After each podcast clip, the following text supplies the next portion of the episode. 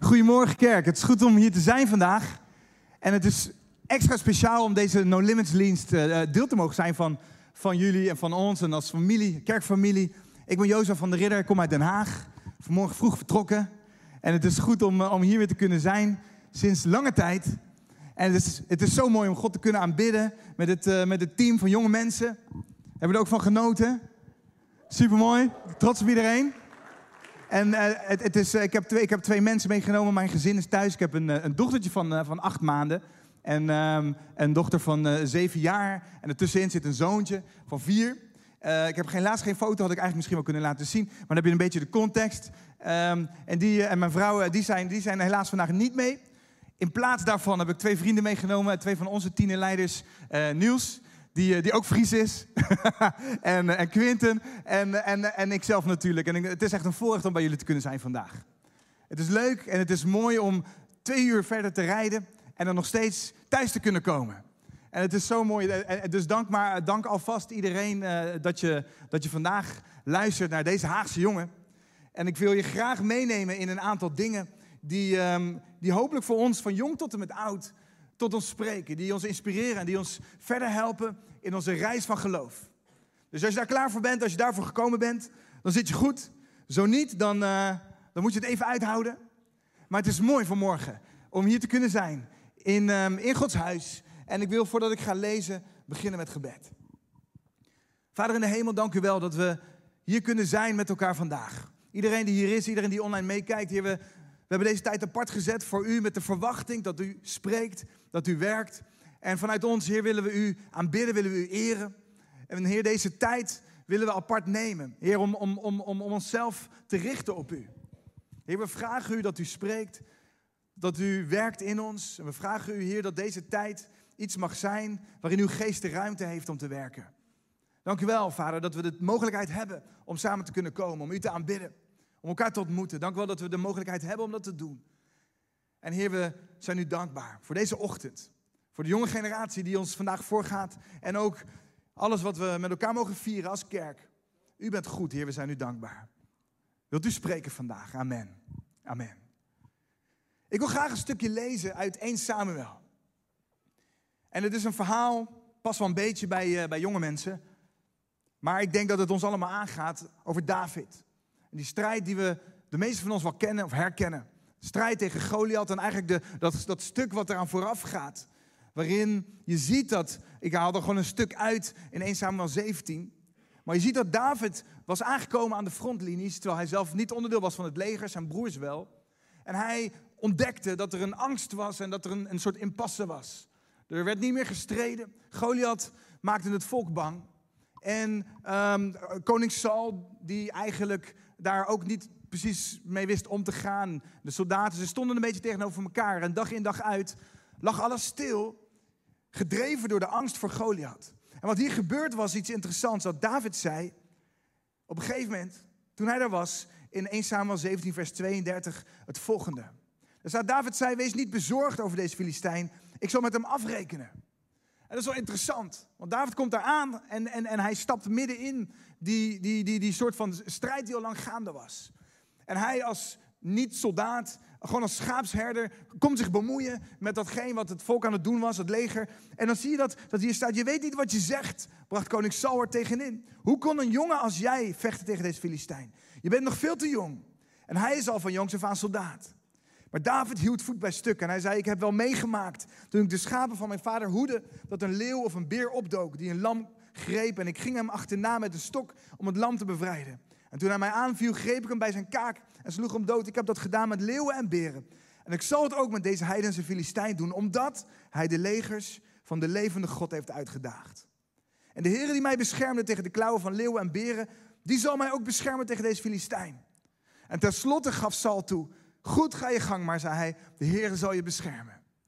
Dit is het moment vlak voordat David daadwerkelijk die, die, die, ja, die, die, die grond betreedt en, en, en de Filistijn, uh, de reus Goliath tegemoet gaat. En het mooie is, het spreekt een beetje van een soort van jeugdig. Hij was natuurlijk jong, maar het spreekt ook. Het ademt jeugdige naïviteit, uh, enthousiasme misschien wel voor, voor, voor, voor, voor God. Hij haalt er nog een leeuw en een beer bij. En, en, en koning Sal denkt waarschijnlijk: ja, heb je wel niet gezien? Dit is geen leeuw en geen beer. Dit is een heel leger aan vijanden. maar goed, uh, uiteindelijk geeft koning Sal toe. En David die vertrouwt op God. Het is niet alleen zijn eigen naïviteit. Het is vooral natuurlijk zijn vertrouwen op God dat, dat, dat toe leidt dat hij dit doet. En waar ik vandaag over wil spreken is, is over geloof. Dat voortkomt uit, uit dit vertrouwen. En andere voorbeelden die we in de Bijbel gaan lezen. Van God, die, die, die, die, die, die dat als het ware, of eigenlijk van mensen die dat in God hebben gelegd. Een vertrouwen dat niet, niet zomaar ergens vandaan komt waaien, maar dat gebouwd is. Want dat, dat, dat, dat komt niet vanzelf. Dat wordt gebouwd. En ik wil vanmorgen spreken over, ik heb het genoemd, Heel erg mooi misschien wel. Breakthrough faith. Doorbrekend geloof. Maar eigenlijk, simpel gezegd, is het gewoon het, vertrouwen. Het vertrouwen dat, dat, dat, waar ons geloof op gebouwd is. Daar wil ik vandaag over spreken. En het eerste punt dat ik hieruit wil halen is denk ik iets wat we wel herkennen. Het vertrouwen van David is de basis van zijn geloof in God. Het vertrouwen op God. En ik denk dat dat eigenlijk altijd in ons geval ook gebouwd wordt op een fundament van vertrouwen. Het geloof is iets dat, dat, dat het groeit, dat neemt toe. Dat, dat, dat, in de Bijbel zien we dat uh, geloof komt door het horen van Gods woord. Geloof komt denk ik ook door de, door de gebedsverhoringen die je al hebt meegemaakt. De getuigenissen die je hoort. De, de, de reis die anderen al gegaan zijn. En waar je, waar je bij kunt aansluiten. Er zijn zoveel mooie verhalen van mensen hier in de zaal. Dingen die jij misschien niet persoonlijk hebt meegemaakt. Maar waardoor jij jouw geloof bent, hebt, hebt zien groeien. Door de wonderen die God heeft gedaan in de levens van andere mensen. Het vertrouwen van David werd gebouwd in de kleine dingen. De leeuwen die hij mocht verslaan. De beren. De, de, de, momenten dat hij zijn schapen kon beschermen tegen vijanden. En de tijd natuurlijk die hij had met God. Toen hij alleen was met de schapen. Je leest psalmen en je ziet dat David zoveel heeft geschreven. Hij heeft instrumenten uitgevonden. Allerlei dingen gedaan in zijn tijd met God. Misschien wel uit verveling. Misschien gewoon uit, uit, uit, uit zijn liefde voor God. Ik denk een beetje uit allebei. Maar vooral het mooie van David is dat hij, dat hij God is gaan leren kennen op een diepe persoonlijke manier. En ik denk dat het bijzonder is. En die dingen samen hebben zijn vertrouwen gevoed. En dat is het mooie van dit moment. Want je ziet dat hier een, een, een, een bekend verhaal. Waar we, waar we vaak over horen, vaak, vaak over lezen. De, de context daarvan is natuurlijk die jarenlange reis die David al gegaan was. Als herder. En met God. En de dingen die hij als voorbeeld erbij haalt. Ik heb, ik heb gezien dat ik leeuwen en beren kon verslaan. Dat gaf hem vertrouwen. Vertrouwen niet per se alleen in hemzelf, maar vooral in God. Als beschermende God. En een God die hem in staat stelde om, om, om, om, vijanden of aanvallen af te slaan. Kleine dingen die David gebruikte als, als deel van het fundament van zijn vertrouwen in God. En dat is waar ik over wil spreken vandaag. Ons vertrouwen is de basis.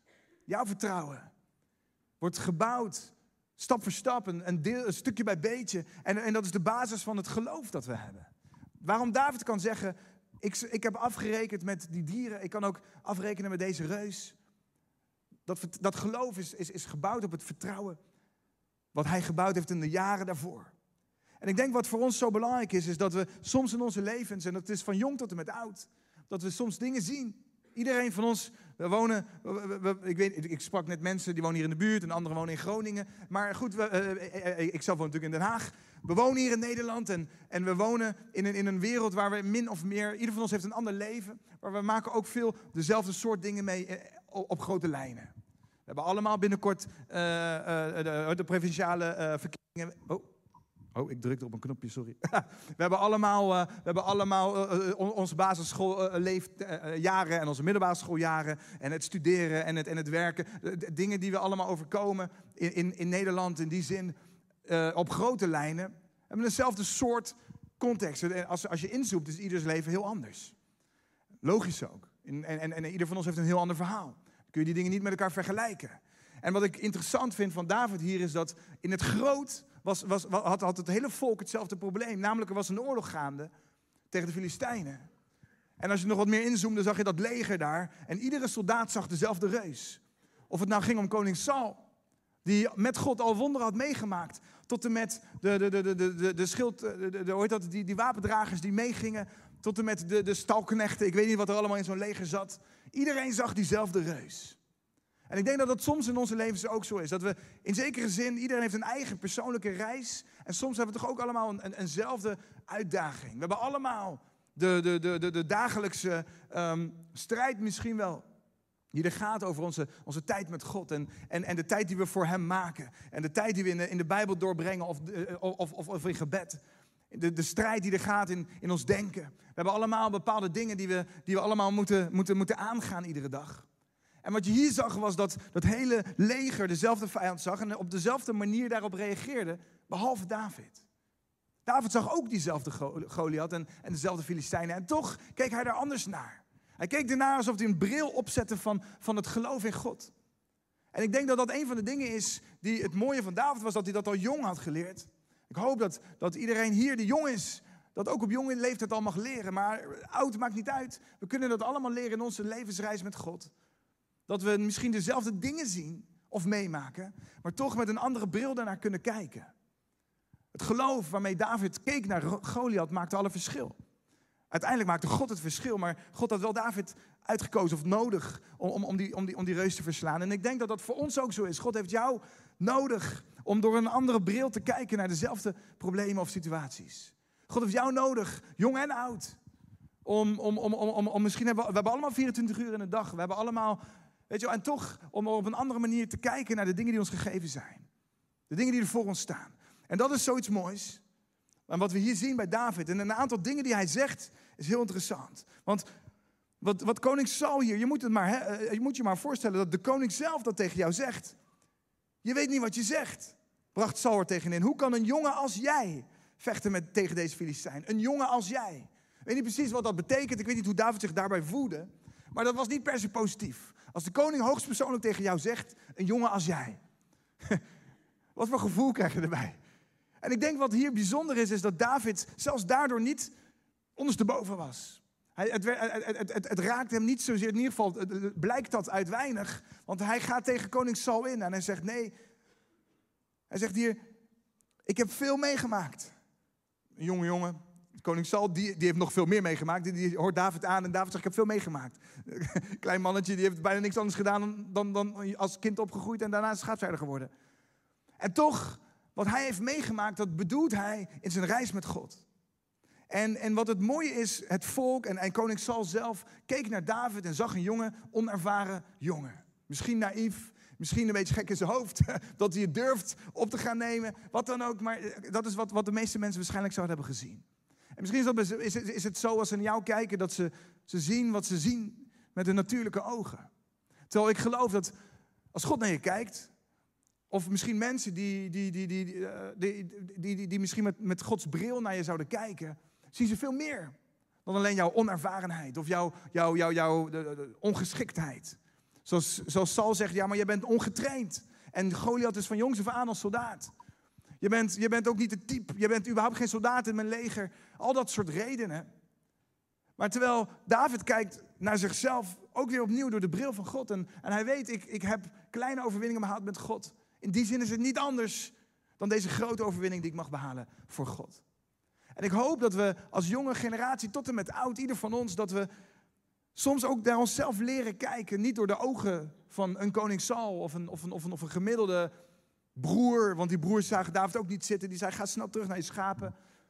Maar dat we door de bril van God mogen kijken, ook naar onszelf. En dat is soms lastig. Zelfs lastiger dan dat het is om naar anderen te kijken. Het is soms makkelijker om naar iemand anders te kijken en te zien dat Gods hand op zijn of haar leven is. Of mee te geloven voor iets. Terwijl als je naar jezelf kijkt, denk je van ja, maar ik ben nou eenmaal gewoon. Ik ken mezelf, ik heb mijn fouten. Ik heb mijn verkeerde manier van denken. Ik weet nog dat ik, weet je wel, en, en je hebt allerlei dingen die je met je meedraagt. Vooral weet je veel over jezelf. Je dacht, als, als, als, als de pastor eens zou weten wat ik, wat, ik, wat ik af en toe doe of wat ik niet doe. Als de pastor eens zou weten. Als koning Saul zou weten. Als het volk eens zou weten. Maar David was niet zo.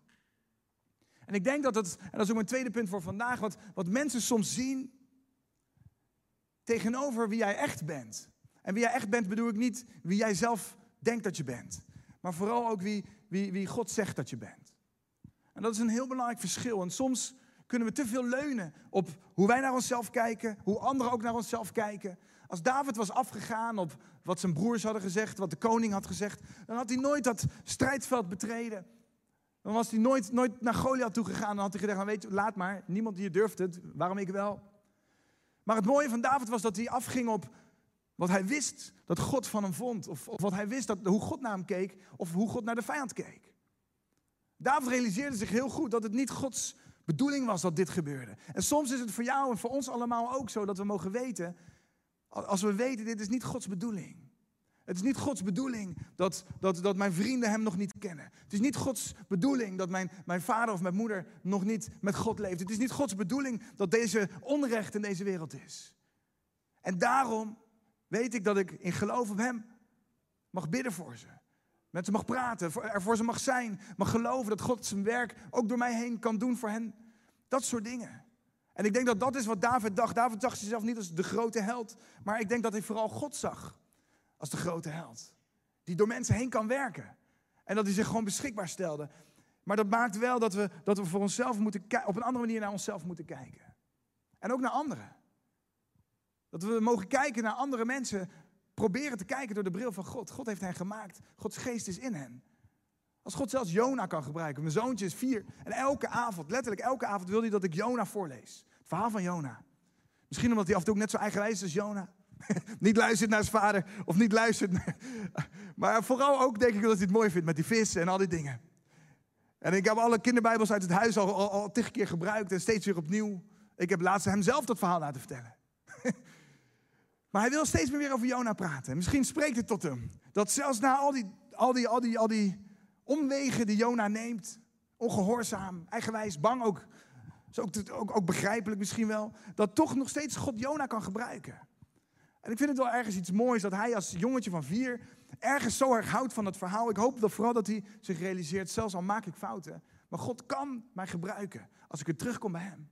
Dat vind ik dan wel weer mooi. Dus daarom is het een mooi verhaal om af en toe te lezen met hem, elke dag in dit geval. Maar hier zie je David. Ik denk ook dat David zich realiseerde, het, het ligt veel meer aan God. God kan mij gebruiken. En als niemand anders in dit leger dat doet, dan ben ik beschikbaar. Heer, gebruik mij. En dat is iets moois. En dat vind ik mooi. Soms is het de, de jonge mensen die wat naïver zijn, die daar misschien iets eerder in durven te stappen. Maar ik hoop dat we vooral met geloof en vertrouwen naar onszelf kunnen kijken, omdat we weten, God, God is degene die het doet. En dat maakt dat we eigenlijk allemaal wel gekwalificeerd zijn, omdat we allemaal niet gekwalificeerd zijn. Maar God maakt het verschil. En dat is het mooie van, van, van dit verhaal van David. Ik wil je graag meenemen in het verhaal van Daniel. In Daniel hoofdstuk 6. Volgen we het allemaal nog? Mooi. Daniel 6, vers 11. Toen Daniel hoorde dat deze wet was uitgevaardigd, ging hij naar huis.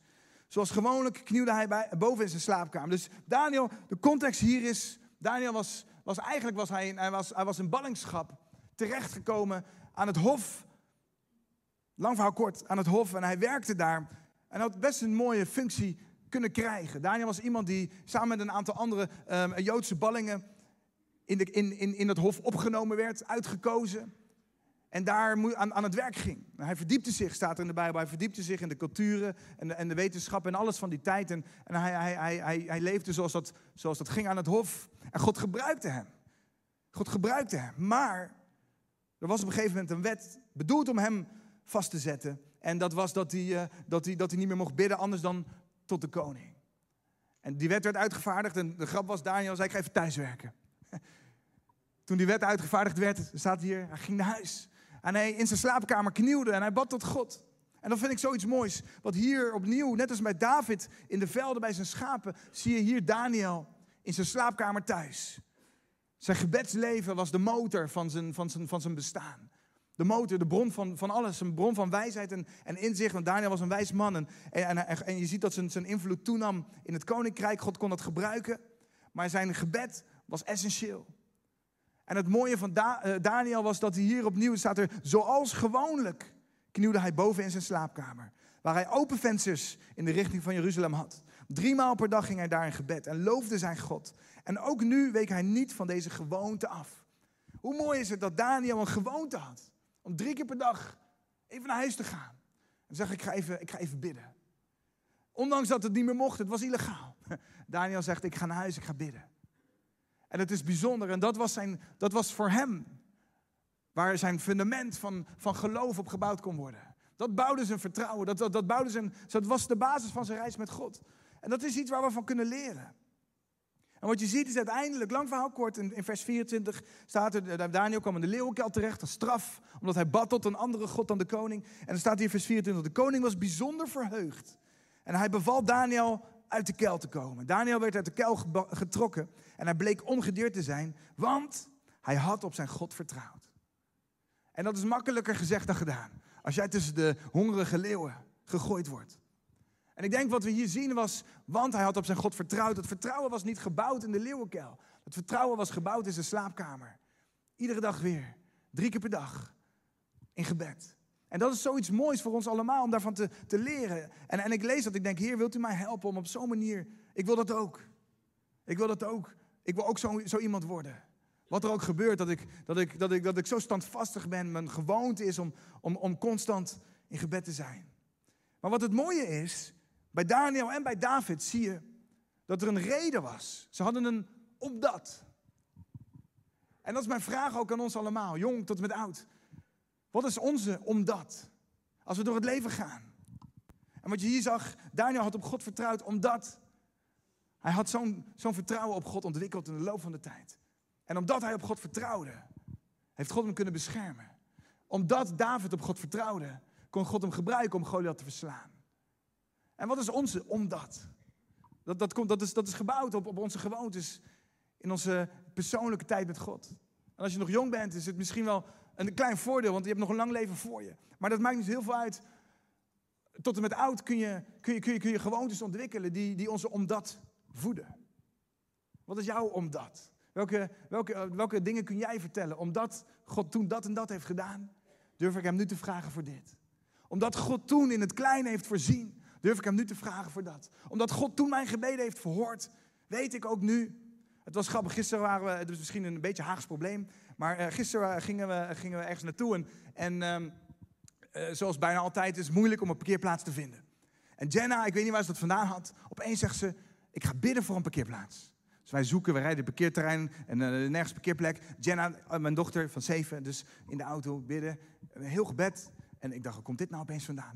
Bid ze voor een parkeerplaats. En ze zegt, en, en inderdaad, opeens zien we daar mooi parkeerplaatsje. En, en, oh. en wat, ze dus, wat ze doet is, um, uh, voor haar heel normaal, ze bidt en, en ze zegt, nou, God heeft het gebed verhoord. en ik dacht, ja, dit is dus een heel klein gebed. En er is een parkeerplaats. En, en in Den Haag is dat een wonder op zich. Dus we hebben een wonder meegemaakt. En wat je dan ziet is dat dat voor haar, die hele kleine dingetjes, ik weet dat dat haar vertrouwen op God versterkt. Zoiets kleins. Maar voor haar is dat, is dat mooi. Ze heeft gebeden en het gebed is verhoord. En dan denk ik van ja, ja, is toch toevallig, dat was gewoon een parkeerplaats. Misschien als je niet had gebeden, was de parkeerplaats er ook geweest. Maar voor haar is dat een moment waarop ze een klein beetje vertrouwen in God toeneemt. En misschien over drie, vier, vijf jaar bidt ze voor grotere dingen. En ergens in haar achterhoofd, bewust of onbewust, weet ze dat God gebeden verhoort. Want dat hebben ze vaker meegemaakt. En ik, op zo'n manier kan het al ontstaan. En ik hoop dat dat ook in ons kleine, jonge, geestelijke leven soms al gebeurt. Dat we soms voor kleine dingen bidden en we zien het gebeuren. Soms ook voor grote dingen. Maar onze gebedsverhoringen, dat het deel wordt van ons fundament, ons vertrouwen op God. Zulke dingen maakten dat we uiteindelijk durven te zeggen: Ik ga Goliath te lijf. En de rest van het volk denkt: Gast, je bent niet goed. Maar dat is, is, dat, dat komt niet uit een soort van naïviteit, het komt uit geloof en vertrouwen op God. Hier, de vraag ook aan ons allemaal, wat is jou om dat? Wat, wat raakt ons? Wat, wat activeert ons? Het is mooi om dat te zien in die verhalen van de mensen die we net lezen. Maar ieder van ons heeft dingen die we met ons meedragen. Soms is het goed om over na te denken. Oh ja, God heeft inderdaad toen voorzien op dat gebied. En ik ben hem daar dankbaar voor. Oh ja, God heeft dat inderdaad gedaan. Vergeet die dingen niet. Omdat God toen heeft geluisterd of heeft getroost of heeft antwoorden gegeven of, of heeft genezen of heeft voorzien. Omdat hij dat heeft gedaan, weet ik dat, dat als ik nu bid, dat hij dat opnieuw kan doen. Zo werkt het met ons, met ons geloofsreis en dat vind ik mooi. Wat er ook gebeurd is, mijn volgende vraag. Het wordt een beetje ingewikkeld misschien, maar dit is denk ik dus op de vroege morgen prima te doen. Wat je nu ziet is dat, dit is, mijn vraag was, wat is jouw omdat? Maar ook is de vraag, wat is jouw ook? Wat is jouw ook? En wat, wat ik daarmee bedoel is het volgende. David zei, omdat God mij heeft geholpen, ik heb leeuwen verslagen, beren verslagen, weet ik ook dat ik nu deze Filistijn kan verslaan. En ik denk dat, dat het nodig is voor mensen die met God leven, dat wij steeds weer een ook hebben. Dat er steeds weer iets anders nieuws is. Omdat we dat en dat hebben mogen, God dat en dat hebben mogen zien doen. Weten we dat er ook een nieuw doel, een nieuw, nieuw, nieuw de een nieuwe stap in geloof en vertrouwen op God. Het zou zonde zijn als God je zoveel moois heeft gegeven in je, in je leven en dat, je op een gegeven moment op het punt komt dat er geen nieuwe ook meer is. Dat er geen nieuw, nieuw doel meer is om voor te geloven, voor te bidden. Dat er niets nieuws meer is om voor, voor te gaan. Afgelopen week is, is uh, vrijdag is mijn oma overleden. Ze was 92, een prachtig mooie leeftijd. Maar tot en met het laatste moment leefde zij niet met God. Dus de, vader van mijn, de moeder van mijn vader. En jullie kennen mijn vader misschien wel, uh, Erot van der Ridder, die, die, die, natuurlijk um, um, uh, ook betrokken is in, in, in City Life Church al, al vele, vele, vele jaren. Maar tegelijkertijd altijd heeft, heeft gebeden voor zijn eigen moeder, die God nog niet kende. En tot en met de laatste week leefde ze eigenlijk niet echt met God. Ze was tegen allerlei dingen, tegen de kerk en tegen. Ze had een paar moeilijke dingen meegemaakt in, in, in de oorlogstijd, die ze nooit had kunnen plaatsen. En dat, dat, dat, daar, daar gaf ze altijd God de schuld van. En pas in de laatste dagen heeft ze haar leven echt aan God gegeven. En ik denk dat het zo mooi is, ook voor haar op haar 92ste jaar, dat ze toch uiteindelijk, niet per se voor haar heel bewust, maar voor ons als familie, was er ook nog steeds die ook. Mijn opa, haar man, heeft God een, een, een jaar geleden of zo, uh, of twee jaar misschien, aangenomen. En dan heb je zoiets van, oh Heer, dank u wel. Eindelijk, weet je wel. En, en dan ook bidden we voor oma. En zo, zo bedoel ik die ook. Wat is jouw ook? Er zijn altijd dingen. Of je nou jong of oud bent. Er zijn altijd dingen waar je ook nog God voor kunt geloven. En ook een nieuwe stap. En ook, weet je wel, dat is zo belangrijk. En ik hoop dat we in onze eigen levens, in dit nieuwe jaar, inmiddels zijn we al in februari, ook als je jong bent, dat er, dat er dingen zijn waar je, waar je gebaseerd op je reis met God tot nu toe, dat je je naar kunt uitstrekken. En ook geloof ik nu voor die volgende stap. En ook weet ik dat God daar een wonder kan doen.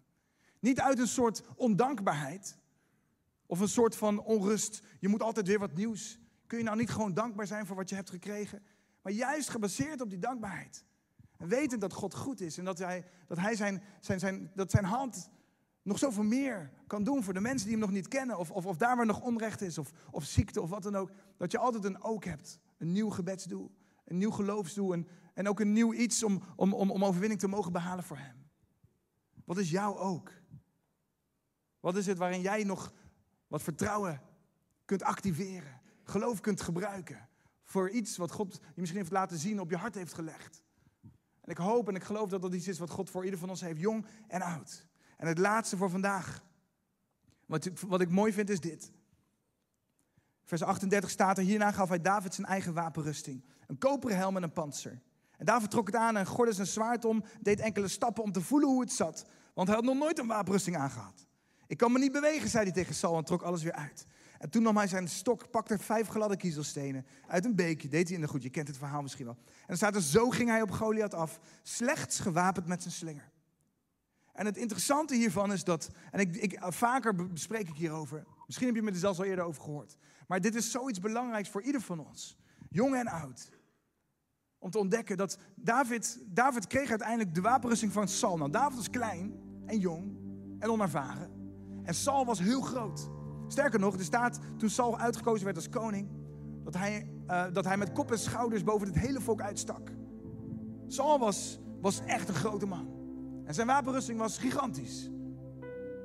En dat, dat gaf hij aan David. En ik denk dat het, het zag er waarschijnlijk gewoon lachwekkend uit. En David trok dat aan en hij dacht, ja, dit is niet mijn wapenrusting. Deze strijd kan ik niet op deze manier voeren. En in plaats van te vertrouwen op het wereldse, de wapenrusting, de, waarschijnlijk de beste van het hele leger, moest hij leren om te zeggen, nee, dat, dat neem ik niet. Mijn wapenrusting is, is God.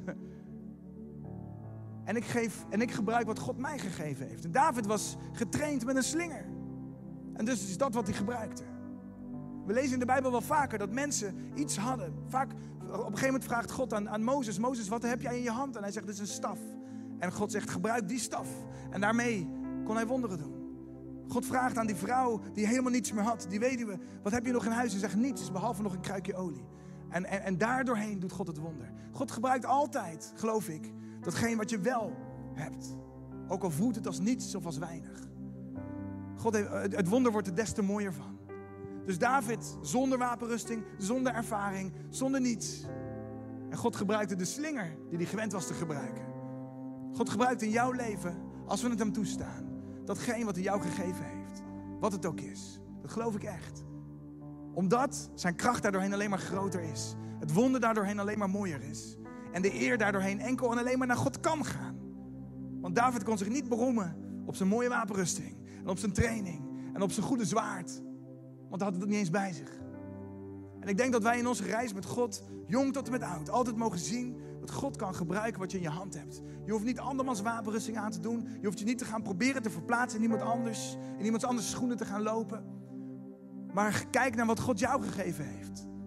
En, en, en, en geef dat terug aan Hem. Zeg, Heer, deze slinger en deze paar stenen, gebruik het alstublieft. Ik ben geen koning Saul en ik zal het nooit zijn. Maar gebruikt u wat u mij gegeven heeft. En op zo'n manier is het mooi dat Gods koninkrijk zo veelzijdig is. Dat als iedereen dezelfde wapenrusting zou dragen, dan zouden er heel veel dingen niet kunnen. En ik geloof dat voor ons allemaal dat we mogen weten, op het moment dat we uitstappen in ons vertrouwen op God, dat dat onze wapenrusting is die we mogen aantrekken. Dat we zien dat dat hetgeen is wat uiteindelijk het gebied is waar het geloof, het echte geloof, kan werken. En ik hoop als we zo richting het eind van dit, van dit woord gaan, dat we mogen weten, ons, ons geloof, daar waar de echte doorbraken plaats kunnen vinden, dat is daar waar het echt afhankelijk is van God. Waarvan we zeggen, die wapenrusting die pas ik niet. Die training als soldaat, die heb ik niet gehad. Die ervaring, die heb ik niet. Maar wat ik wel heb is, God heeft dat en dat gedaan. En dat neem ik mee in mijn volgende strijd. Wat ik wel weet is dat God trouw is. En deze Filistijn leeft niet met God. En ik wel. En dus heb ik God aan mijn kant. Wat ik wel weet is dat dit onrechtvaardig is.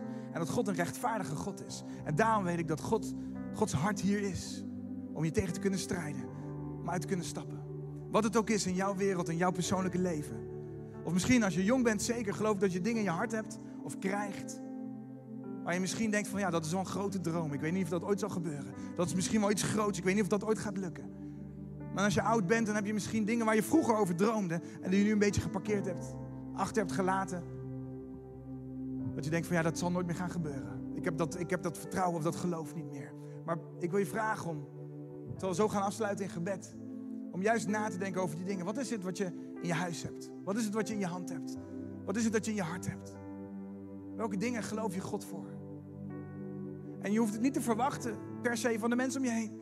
Want of het nou ging om koning Saul of zijn eigen broers. Maar David had weinig steun van hen. Of het nou ging Daniel, zijn eigen koning en, en de mensen om hem heen, weinig steun. Maar, maar God was er. En dat maakt alle verschil. Ik wil graag afsluiten met, met gebed. En deze momenten nemen om de dingen die we hebben gehoord in Gods licht te brengen. Heer, wilt u ons helpen? Op het moment dat we hier zitten, ieder van ons draagt dingen met zich mee. We hebben misschien gebedsverhoringen gezien of gehoord, in onze eigen levens meegemaakt. We hebben overwinningen mogen, mogen behalen in gebed en in, in, in, ons leven. Dingen die u heeft gedaan. En misschien hebben we daar ook nog heel weinig van gezien. En aan de andere kant weten we, u heeft een roeping voor ieder van ons. Dat lezen we. Op het moment dat we ons leven aan u hebben gegeven, dan zijn we gered, maar ook geroepen. Dat betekent dat u iets voor ons heeft wat u door ons heen kunt en wilt doen. En help ons, Jezus, om dat te leren zien. Help ons om op, op die manier naar onszelf te kijken. Of we nou jong zijn of al wat ouder of misschien heel oud. U heeft altijd nog iets voor ons dat er nog voor ons ligt. Iets wat u nog door ons heen kunt en wilt doen. Iets wat u ons nog wilt openbaren. Een gebed dat nog niet verhoord is. En Heer, die dingen willen we bij u brengen. Misschien hebben we te veel gekeken naar het natuurlijke. Te weinig ruimte gegeven voor, voor ons geloof en voor uw werk. Te weinig ruimte gegeven in ons denken. Of hebben we onszelf misschien het uit ons hoofd gepraat? Heer, help ons om opnieuw te kijken door uw bril. Of het nou gaat om een reus als Goliath of om een onmogelijkheid als een, als een nieuwe wet.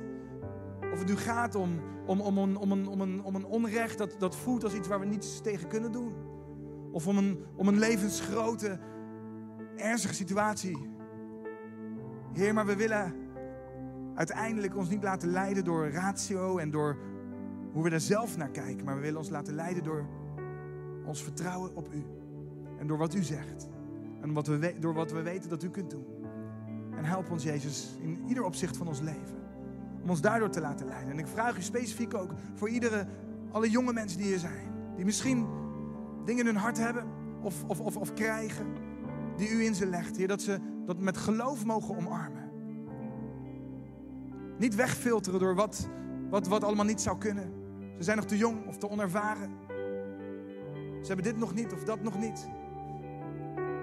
Maar Heer, ik vraag u dat juist ook in deze dienst, waarin we met zoveel jonge mensen voorop mogen gaan. Heer, dat u spreekt en werkt in ieder van ons, in onze harten.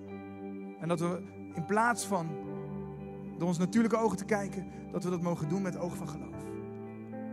Dat dat de grond is waarin u kunt zaaien vandaag. In Jezus' naam.